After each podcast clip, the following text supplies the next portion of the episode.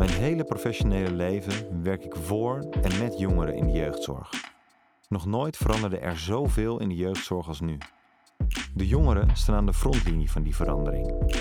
Te vaak nog omdat ze de rekening betalen voor wat er niet goed gaat, maar ook omdat zij zelf vormgeven aan de jeugdzorg van de toekomst.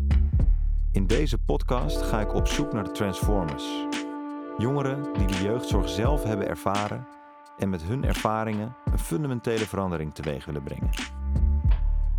Mijn naam is Wiebe van Stenis en vandaag is deel 2 van de podcast met Romy Micho.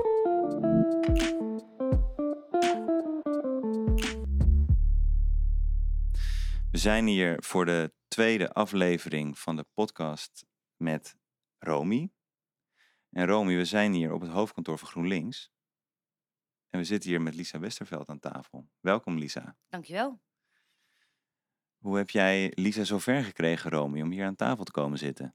Nou ja, gewoon een mailtje gestuurd en zeggen waarom ik het zo belangrijk vind dat hier aandacht voor komt. En ja, dat was eigenlijk best wel snel dat ze zei ja, dat wil ik wel doen. Die podcastopname. Ja, en dat waar aandacht voor komt? Sociale emotionele vaardigheden in het onderwijs. Ja, want uh, we zijn uh, de podcast geëindigd eigenlijk met uh, waar je nu staat in je leven. Um, en voordat we de inhoud ingaan, is het uh, ook goed om Lisa het woord te geven. Van, uh, hoe heb je die podcast ervaren? De vorige podcast. Ja, ik vond de um, podcast um, en het verhaal van Romy eigenlijk best wel herkenbaar. en ik, ik, merkte ook dat, nou, dat, dat wat Romy heeft meegemaakt, dat veel meer kinderen dat meemaken. Het gevoel hebben niet gezien te worden, veel te volle of veel te drukke klas. Het gevoel dat toch het uh, onderwijs um, nou, niet goed verder kan helpen. En dan vervolgens dan heb je een uh, klein probleem en dan wordt het eigenlijk steeds groter. Ook omdat er veel te weinig wordt geluisterd naar ja, wat de jongeren, in dit geval Romy, dus aangeeft. Dus ik vond um, heel veel ja, heel veel delen van de podcast dacht ik, ja, dit komt me heel bekend voor. En ja, je bent helaas niet de enige. Nee, precies. Hoe is dat, dat Lisa uh, ook naar jouw podcast heeft geluisterd? Ik vind het best wel raar eigenlijk, ook dat je gewoon de tijd hebt genomen om dit gesprek aan te gaan. Vaak denk ik van, nou ja, die zijn druk en die gaan maar door. Terwijl ik denk, dit is wel een waardevol verhaal wat vaak voorkomt. En waar hier wel veranderingen in kan komen. Zeker omdat je zegt dat het vaker voorkomt. Ja, want het is heel vaak gebeurd dat, er niet naar je geluisterd is. En je staat nu op het punt in je leven dat er dus wel naar je geluisterd wordt. Ja, dat is wel echt heel raar. Ja. Ja, raar, mooi, gek. Kan je daar woorden aan geven? Beetje van alles. Het is gewoon dat ik denk van, inderdaad wat jij zegt, het het gebeurt zo ontzettend veel. En ik denk dat het juist daarom belangrijk is om dat ook groter en breder te trekken. En dat daar, ja, dat daar nu wel geluisterd naar gaat worden. In plaats van inderdaad van het gaat goed, terwijl het helemaal niet goed gaat. Ja. Nou, Lisa en ik zitten hier met jou aan tafel vol naar jou te luisteren. Dus wat is jouw idee hoe het onderwijs zou kunnen verbeteren?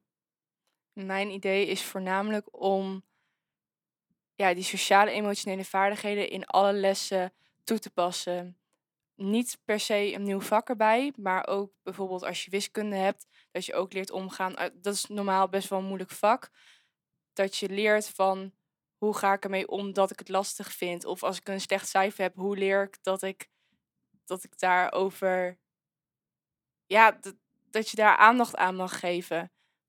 En daarnaast ook dat misschien ervaringsdeskundigheid, net zoals we in de zorg hebben, dat dat misschien ook wel op scholen toepasbaar gaat worden. Ja, en heb je daar een, uh, een voorbeeld van? Vanuit je eigen ervaring, wat je dan gemist had en wat dan heel fijn geweest was? Ik denk dat ik het best wel fijn had gevonden als er een ervaringsdeskundige tegenover me had gezeten. En al best wel snel. En niet iemand die opgeleid is. Ja. En als je dat hoort, Lisa, hoe klinkt dat voor jou? Ja, dat is natuurlijk best wel een, ehm, een brede vraag. Hè? Zorg ervoor dat uh, sociaal-emotionele vaardigheden ook in het onderwijs ja, veel meer naar voren komen. Ik vind het ook wel mooi dat je, niet, dat je juist zegt en meteen bij zegt van niet een apart vak. Want ik merk heel vaak dat uh, mensen, ja, als er een probleem is in de samenleving, bijvoorbeeld kinderen zijn uh, ja, die hebben overgewicht of sporten niet genoeg, dan wordt er altijd heel snel naar het onderwijs gekeken. Het onderwijs moet dat er maar even bij doen. En volgens mij moeten we daar heel terughoudend mee zijn. Ook omdat je, we allemaal weten dat ook het onderwijs en ook leraren vaak overlopen in het werk. Vaak veel te volle klassen hebben. Nou, daar liep jij natuurlijk ook Ja. tegenaan. En vaak ook zelf het gevoel hebben dat ze tekortschieten. Dat is ook een belangrijk, ehm, belangrijke reden voor mensen om het onderwijs te verlaten. Is dat ze zeggen, ik heb het gevoel dat ik aan het einde van de dag gewoon niet alle kinderen genoeg aandacht heb kunnen geven. Nou, kwam natuurlijk ook heel goed terug in, in jouw verhaal. Ja. En ik ben het helemaal met je eens. Dat zou je dan misschien verbazen naar wat ik net heb gezegd. Maar ik ben het helemaal met je eens dat er veel meer aandacht zou moeten zijn in het onderwijs voor sociaal-emotionele vaardigheden. En dat er ook veel meer aandacht zou moeten zijn voor het gesprek met elkaar. Ook als het eens een keer niet lukt. Of als je eens een keer eh, ja, niet bij de beste van de klas hoort. Of een vak heel moeilijk vindt. Dan zou er ruimte moeten zijn om daar met elkaar gewoon over te praten. Het is natuurlijk wel zo dat, het, dat we niet zomaar kunnen zeggen... nou leraren, ga dit er maar eens even bij leren... zodat we volgend jaar dit allemaal op school heel anders doen. Dus, dus daar zit voor mij wel de grote uitdaging van... hoe zorgen we er nou voor dat we, ja, dat we dit aanpakken... maar dat we echt voorkomen dat leraren het gevoel hebben... oh, ik krijg er nog een taak bij. Ja. Ja, het is zeg maar, je hebt natuurlijk ook oudere docenten die al wat langer in het onderwijs zitten. Ik denk dat de meesten die nu de opleiding doen, dat ze wel daar al wat over krijgen. Maar die oudere docenten is dat geen optie om die dan bij te scholen. Door cursussen of iets vanuit scholen, bijvoorbeeld. Ja, ik denk dat de vraag die, ehm, die je stelt, dat dat ook wel te maken heeft met ehm, ook de vraag eigenlijk aan de hele samenleving. Van hoe zien we onderwijs nou? Hè? Is onderwijs nou, is school nou de plek waar je nou ja, kinderen basisvaardigheden mee, eh, meegeeft? Hè? Bijvoorbeeld eh, ja, goed, goed eh, taal leren, goed leren rekenen, een beetje van de geschiedenis leren. Of zien wij school nou ook als een plek waar ehm, ja, kinderen ook veel meer over zichzelf leren. En, daar, en, en dus een, hè, dat school dus een plek is om mensen echt voor te bereiden op hun toekomst. Ja, over het leven leren. Ja. Ja, en, en dat is best wel, nou, ja, dat is echt een hele actuele discussie. We hebben ook eh, binnenkort een eh, debat dat het gaat over de burgerschapsopdracht. En dat gaat dus echt over de vraag van hoe zien wij scholen nou? En wat moeten we nou wel aan scholen en aan leraren verplichten? En waarvan moeten we nou zeggen, ja, dit, ehm, dit mag echt de school en mag de leraar zelf weten? En dat, dat lijkt misschien een, een makkelijke vraag op het eerste gezicht. Maar als je daar goed over gaat nadenken, dan zit daar een hele wereld achter. Want mensen hebben ook allemaal hun eigen nou ja, opvatting over wat de school zou moeten leren. En bovendien is het ook nog zo natuurlijk dat ja, eh, de nou ja, verschillende scholen zijn ook heel anders. Er is ook vrijheid van onderwijs. Hè. Sommige scholen hebben andere methoden. Sommige scholen hebben een christelijke of een islamitische inslag.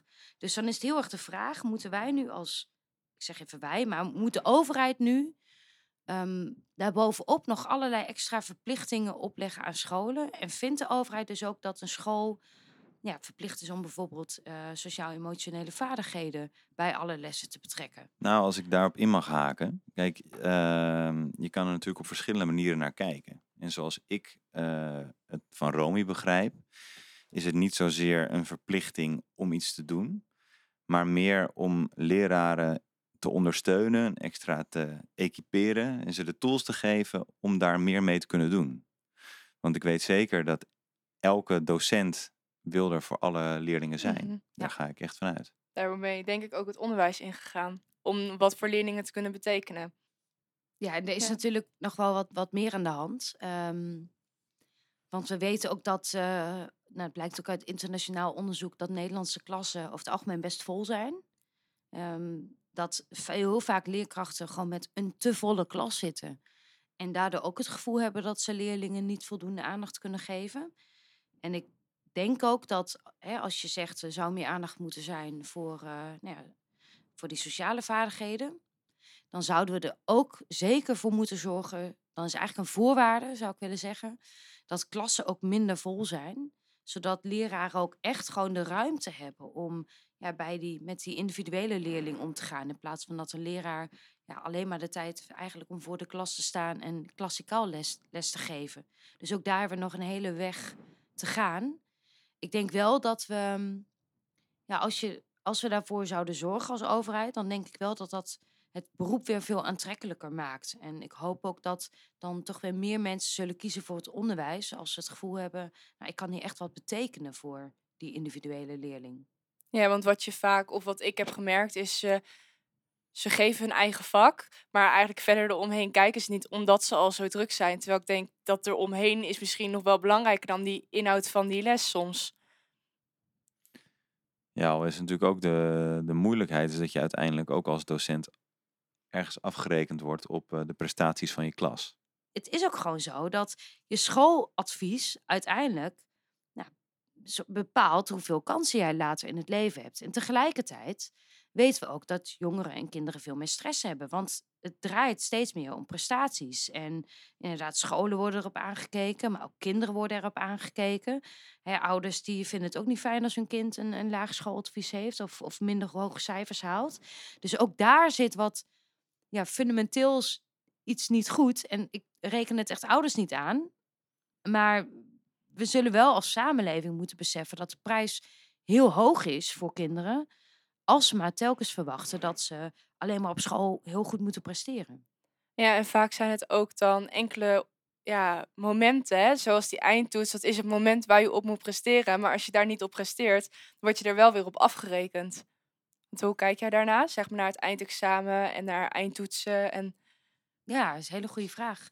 Um, ik ben uh, helemaal niet zo'n fan van die eindtoets. En dat heeft ermee te maken dat we weten dat kinderen op hele jonge leeftijd nog volop in ontwikkeling zijn. Dat ook hun ontwikkeling vaak een beetje in sprongen verloopt.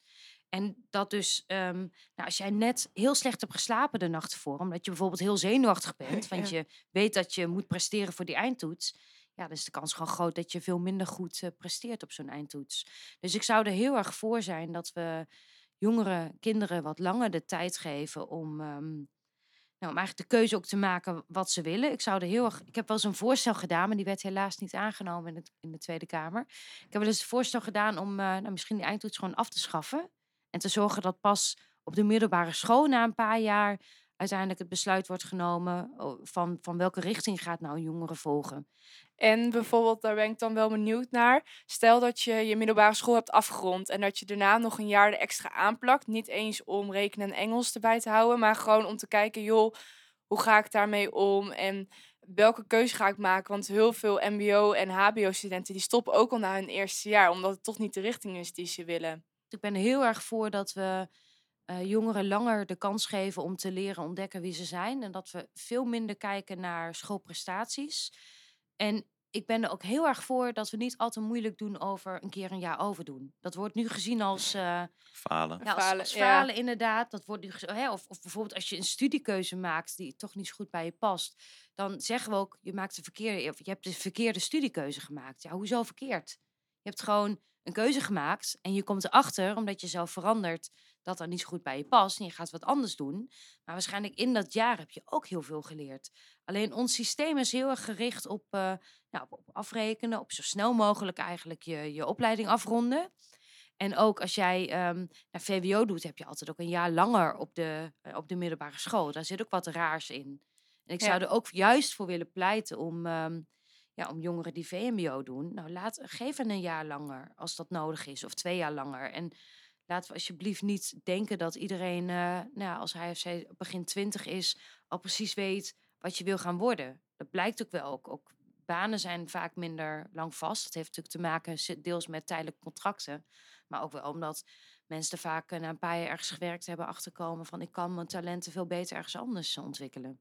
Dus ik zou heel erg zijn voor veel meer ontspannenheid in dat hele schoolsysteem. En zou je dan zeg maar, als je dat jaar erbij zou doen, vind je dat dan weer de verantwoordelijkheid van de school waar je hebt gezeten? Of zeg je, joh, dat moeten dan weer aparte instellingen zijn? Of hoe zie je dat? Ja, het zou mij niet zoveel uitmaken. Ik heb wel eens gepleit voor, zo, voor een tussenjaar, juist voor VMBO-leerlingen. Eh, ehm, dat was uh, naar aanleiding van een heel mooi initiatief van een moeder die aangaf van ik merk gewoon dat mijn kind gewoon nog wat langer extra nodig heeft. En gewoon eigenlijk nog niet weet. Ehm, nou, wat in dit geval was het een, een zij wat, wat, ze, wat ze wil gaan doen. En die moeder heeft toen heel erg gepleit voor een tussenjaar. Ja, ik ben daar dus heel erg voor. En, en laat ook maar, nou ja, zo'n tussenjaar kan inderdaad nog een extra jaar op de school zijn.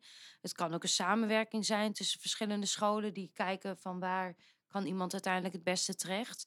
Maar je leert als, eh, als jongere natuurlijk ook heel erg veel door eens een tijdje ertussenuit te gaan, bijvoorbeeld. Wat ook weer veel normaler is als iemand VWO heeft gedaan, dan als iemand VMBO heeft gedaan. Dus er zit al Ja. een.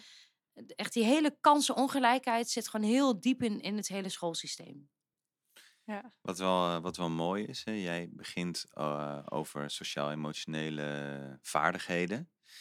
En jij, Lisa, vertaalt dat naar eh, ja, weten wie je bent, weten welke keuze je moet maken en, eh, en de druk op eh, de scholen aan zich. Maar is dit hetgene waar jij het over wil hebben? Ja, ik vind het wel heel interessant, inderdaad. Ook dat tussenjaar.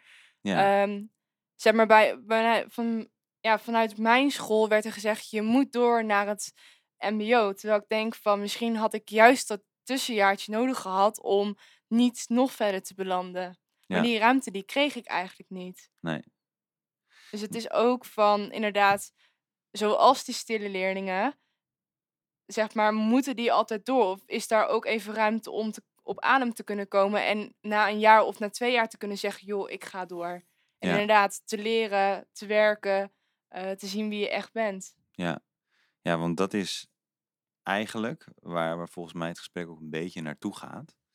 Van eh, school is eh, tot en met je zestiende of achttiende gericht eh, ook op eh, ja, kennis opdoen.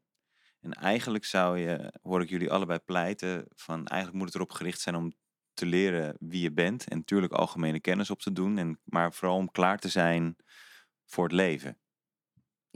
En ook om fouten te maken. En dat, Ja. klinkt misschien een Ja. beetje gek.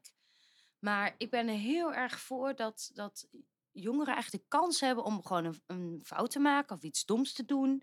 En erachter te komen, ja, dat had ik anders moeten aanpakken. Daar, Ja. daar, en daar, ja, daar zijn we ook nog, je wordt veel te snel afgerekend op een keer iets dat niet goed gaat. Terwijl ik denk, je bent juist aan het leren. En leren doe je vooral als je, ja, als je iets niet goed kunt. Ik bedoel, als je alles meteen goed kunt, dan, dan leer je natuurlijk ook helemaal niets. En daar, ja, dat, daar gaat het ook veel te weinig over in het onderwijs. Dus, en dat geeft me aan waar je moeite mee hebt. En leer daarover praten. Dat hoorde ik jou eigenlijk ook zeggen, Ja. Romy. Leer daar juist over praten in de klas. En met je docent of met anderen. Maar dat zit eigenlijk niet in het onderwijssysteem. Nee. Ja, zeg, je- zeg ik hier, maar volgens mij... ja, nee, nee, dat is, zo heb ik het ook ervaren hoor. Ja. Het is toch weer, oh je hebt slecht cijfer, ja, ga ga hem herkansen of eh, laat je het zitten. Het is ook veel te makkelijk wordt er over gedaan. Ik had inderdaad ook een docent die een keer tegen een andere leerling zei van, oh dat is een extra vak. Vind je het moeilijk? Oké, laat maar vallen. Dat ik denk van, ja, maar dat is, ja, weet je, misschien soms wel, maar soms ook weer niet. Ja, al moeten we ook oppassen dat we het eh, te eendimensionaal eh benaderen natuurlijk. Ja, Hè, want iets kan, ook, iets kan ook te zwaar zijn. Ja. En ja, en aan de andere kant, je bent niet op eh, school om vieren en vijven te halen alleen maar. nee, oké. Alleen Ja. het gaat volgens mij, net zoals in de jeugdzorg, volgens mij niet om het gewenste gedrag, maar juist om eh, het gesprek als, eh, als iets niet goed lukt van wat is dat dan? Hoe komt dat dan? En dat is volgens mij ook wat jij zegt van er moet meer oog zijn voor de sociale vaardigheden. Ja, maar jij gaf wel aan dat je het hebt geprobeerd natuurlijk. Hè? Door Ja. brieven te schrijven. Ja, En door, door, door ook je mond af en toe open te trekken in, in de klas. ja. Dus wat, wat is dat dan? Dat dat ook niet... Hè? Dat, ik denk als je een brief schrijft naar, eh, naar je school... ehm, wat is dat dan dat daar niks mee gedaan werd? Ik denk toch, doordat er altijd weer hardere schreeuwers zijn die. eh, en vanuit bovenaf. dat dat allemaal bepaald is. En dat als jij als individu aan de bel trekt, dat daar vaak niet naar geluisterd wordt. Ja, wat, wat ik ook nog wel... Want dat zei je in, in de podcast. Dat je op een gegeven moment vroeg, mag ik naar een andere klas? En dat Mhm. het antwoord was van nee, dat kan niet. eh, want dan wil iedereen dat. Of dan Mhm. willen, krijgen we misschien wel meer van dit soort aanvragen.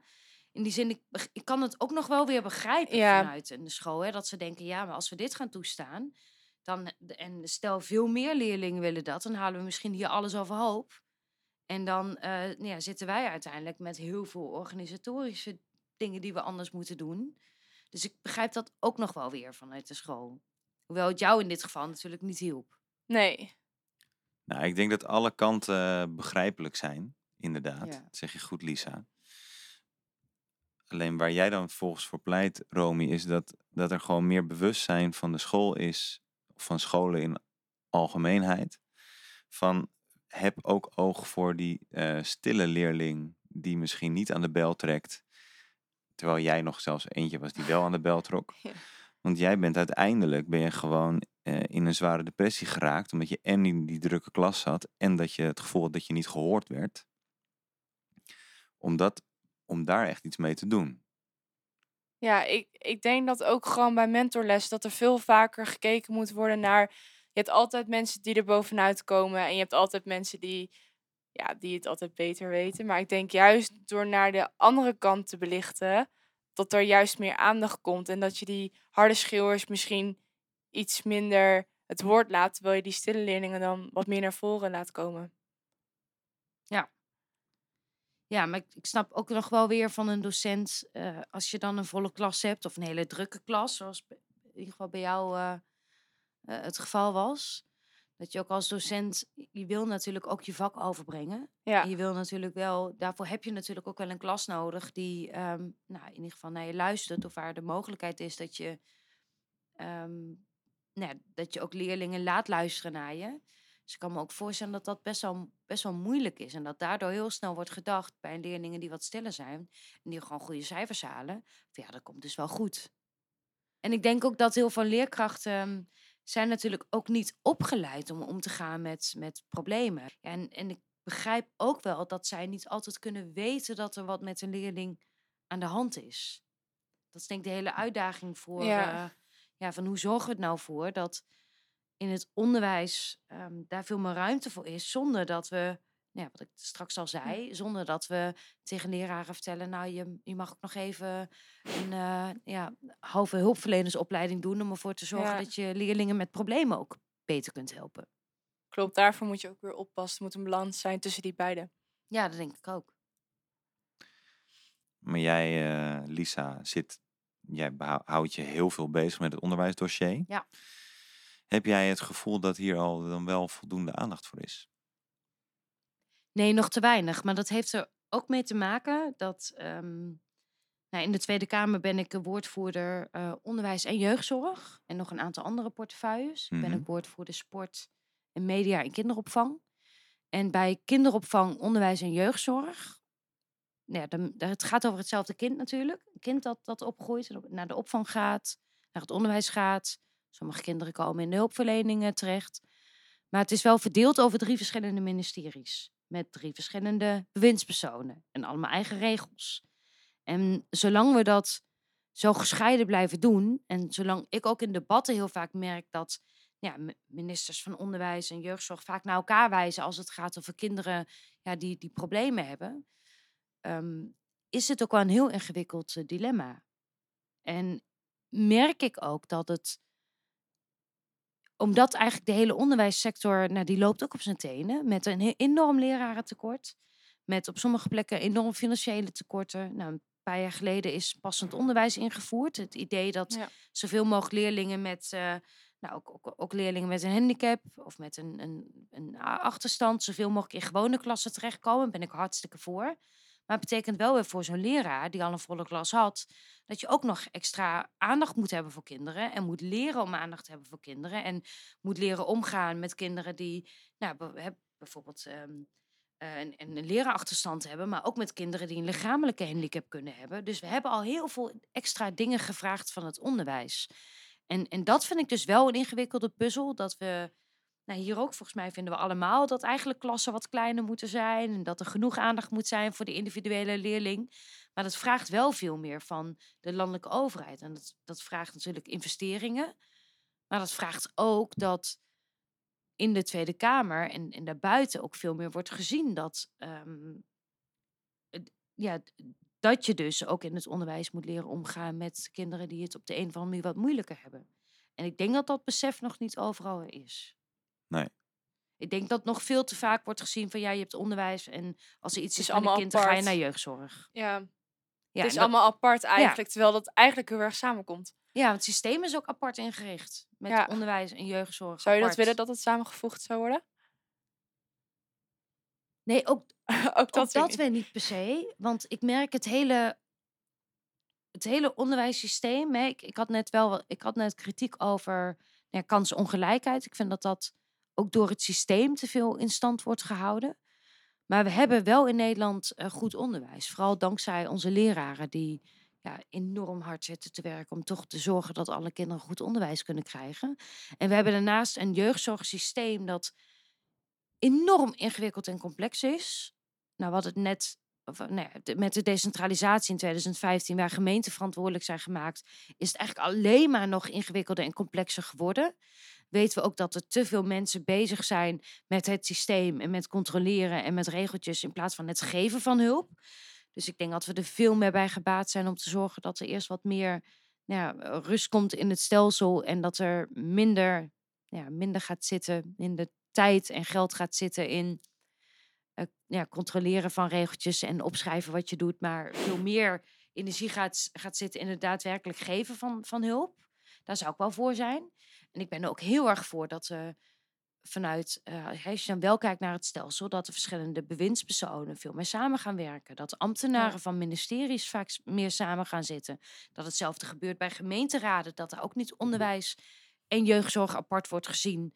Met twee verschillende wethouders. De ene gaat over onderwijs en de andere gaat over jeugd. Dat zou ik wel een heel goed idee vinden. Maar daar ligt volgens mij ook de brug, Lisa, tussen jouw visie en, uh, en jouw idee, Romy. Mm Want ja, jouw idee is ook om uh, leraren extra te ondersteunen in het sociaal-emotionele begeleiden van kinderen. En om ook, en dat is inderdaad dan wel weer een geldkwestie, uh, ervaringsdeskundigheid een plek te geven. Uh, dat er iemand is die gewoon niet alleen voor je ontwikkeling daar is, maar ook om gewoon je te begrijpen. Ja, ja ik denk sowieso dat vaak denken weer als scholen iets hebben meegemaakt met een leerling, dat ze denken, oh, ik leer hiervan. Maar vaak een paar jaar later of een jaar later maken ze weer dezelfde fout. Dat je denkt van, joh, je hebt hier misschien van geleerd. Maar vaak is dat niet zo. En ik denk door iemand die het wel heeft meegemaakt en met een ervaringsdeskundige in gesprek te gaan, dat je kan zeggen, joh, ik snap wat je voelt en ik snap wat je hebt meegemaakt, want ik ben hier ook tegenaan gelopen. En dat je samen gaat kijken naar een oplossing. Ja, en ik, ik, hoor ook heel erg in je verhaal dat je, dat je ook zegt van laat er ruimte zijn voor dat gesprek. Ja. En, en zorg ervoor, want nu is het natuurlijk op veel scholen wordt helemaal, nou helemaal niet wil ik niet zeggen, maar wordt er heel weinig aandacht gegeven aan, uh, nou, en ook aan, aan psychische problemen. Terwijl we gewoon wel weten dat er heel veel op elke school met kinderen, jongeren rondlopen die gewoon problemen hebben, die worstelen met zichzelf. En helemaal in de puberteit is dat natuurlijk zo dat er eigenlijk elke jongere wel worstelt met, zich, met zichzelf. Alleen er wordt bijna niet over gesproken. Ja, dat klopt. Ja. ja, of het is gewoon een keer een les en dat zit. Eigenlijk, heb, eigenlijk... heb jij wel eens les gehad eh, over psychische problemen of over of les gehad in hoe praat je nou echt met elkaar? Nee, eigenlijk niet. Nee. Ja. Nee. Je had wel vroeger op de basisschool de week van de lentekriebels dan. Zeg maar, eigenlijk is het wel mooi als je zo'n zo'n week kan introduceren. Dat je een bepaalde week hebt dat je bij verschillende thema's stilstaat. Nou, en jouw wens is volgens mij dat het uh, niet alleen in de week van de lentekriebels, maar in het hele jaar ja, uh, een plek krijgt. Wat, uh, wat kan jij met de inbreng van Romy, Lisa? Ik denk dat het, um, of ik denk, ik weet wel zeker dat het heel belangrijk is om dit soort gesprekken te hebben. En ik merk dat het gelukkig dat mensen er steeds vaker over durven te praten. In plaats van dat ze denken, ik moet allemaal maar verborgen houden, want niemand mag weten dat er wat met mij in de hand is. En ik hoop dus ook dat dit soort gesprekken daaraan bijdragen. En ik denk dat daar het begin ligt. En dat klinkt misschien een beetje gek, maar als je, als je iets groots wil veranderen, en volgens mij uh, willen we dat mm -hmm. allemaal. Willen we dat er veel meer aandacht komt voor jongeren met problemen en dat er over gepraat kan worden. Dan, dan begint dat wel met het zelf doen en met het bewustzijn. Ja, ik denk dat het heel belangrijk is dat het taboe eraf ja. is. Jij hebt uh, een week geleden, uh, toen wij die podcast in de studio opnamen met jouw verhaal, heb jij heel dapper verteld van dat je continu om hulp hebt gevraagd, continu niet gehoord bent. Dat je uiteindelijk helemaal op je tandvlees in een depressie bent geraakt. heel diep bent gegaan en uiteindelijk weer jezelf bij elkaar hebt geraapt. Het feit dat je dat durft te vertellen, dat kan heel waardevol zijn voor andere kinderen die hetzelfde doormaken. Dus die positionering van ervaringsdeskundigheid. Nou goed, Ja. Lisa, je bent niet voor niks eh, toen je wilde verdiepen met de ervaringsdeskundigen, ouders Ja. en jongeren gaan Ja. praten. Ja, volgens mij is die positie binnen het onderwijs, is, is, volgens mij is daar nog weinig aandacht voor. Ja, eens. En er zijn, er zijn nog wel twee andere dingen hoor, die, die, die ik ook heel concreet kan doen. En eigenlijk die hele, nou, het gesprekje dat wij ehm, hier net hadden, Mhm. over wat is nu de taak van onderwijs en wat is nou de taak van, van ouders en van, van hulpverlening, heb ik ook eh, afgelopen week met een paar collega's gehad. Omdat in het wetsvoorstel over burgerschapsonderwijs, dan gaan we in de Tweede Kamer wat meer invullen over wat er nou op scholen gedaan moet worden aan burgerschapsonderwijs. En een heel belangrijk onderdeel daarvan vind ik de, ja, de sociale veiligheid van kinderen. Dat is ook al een opdracht aan scholen. Scholen moeten ervoor zorgen dat kinderen zich veilig voelen. Dus ook sociaal-emotioneel Mhm. veilig voelen. Nou, dat gebeurt nog lang niet overal goed genoeg. Maar dit is natuurlijk wel een verhaal dat ik ook ehm, kan meenemen en ook zal meenemen, zeg ik hierbij, in, eh, nou, in onze inbreng bij dat debat. Omdat ik denk, het, ja, sociaal-emotionele veiligheid is meer dan hè, dat, dat een. Nou, het gaat bijvoorbeeld onder andere over als een kind homoseksueel is of lesbisch is. ehm, mag een school wel of niet zeggen dat, dat ze daar wel of niet mee akkoord zijn? Dat is bijvoorbeeld nogal een Ja. probleem bij streng reformatorische scholen. Maar ik vind ook een onderdeel daarvan is dat jij het op school kunt vertellen als je een probleem hebt. En dat er iemand is die met jou erover praat. En dat school zegt, hé, hey, wij zien je en wij doen er alles aan om je in ieder geval te ondersteunen.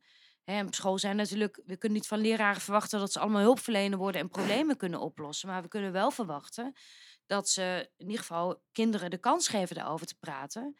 En aangeven, hé, hey, ik, ik hoor je en ik neem je serieus. En ik ga mijn best doen om je in ieder geval zoveel mogelijk eh, ook, ook hierin te helpen.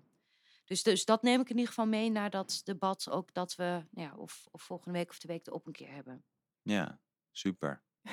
Ja, dat is nog Ja. niet concreet iets wat je in de wet Nee. dus kunt vastleggen. Hè? Maar Nee. ik denk wel, juist dit soort gesprekken maken mij wel bewust. Ja.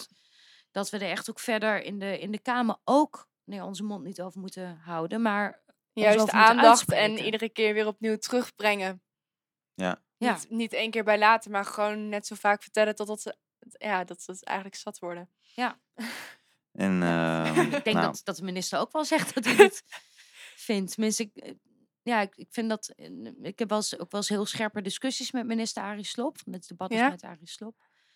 Maar, ehm, en hij staat ook heel erg voor. ehm, nou, hij wil ook absoluut niet dat de werkdruk van leraren omhoog gaat. Want dat wil Nee. ik ook niet. Nee, nee, nee. nee. En dit is wel een mooi onderwerp om gewoon het gesprek over te hebben, in ieder geval. En dat kan al het verschil maken. Ja, zeker. Romy, besef je dat je in een paar jaar tijd hebt ontwikkeld van een meisje die door haar eigen docenten niet gehoord werd, Mhm. tot een Tweede Kamerlid die eh, na- echt naar je luistert en ook iets doet met Mhm. de dingen die je zegt. Ja. Ja, laat Ja. het even indalen. Ja. Ik wil jullie allebei, Romy en Lisa, heel erg bedanken voor dit mooie gesprek. Ik heb eh, enorm geboeid naar jullie geluisterd. Ja, graag Ja. gedaan. Ik vond het ook een mooi gesprek.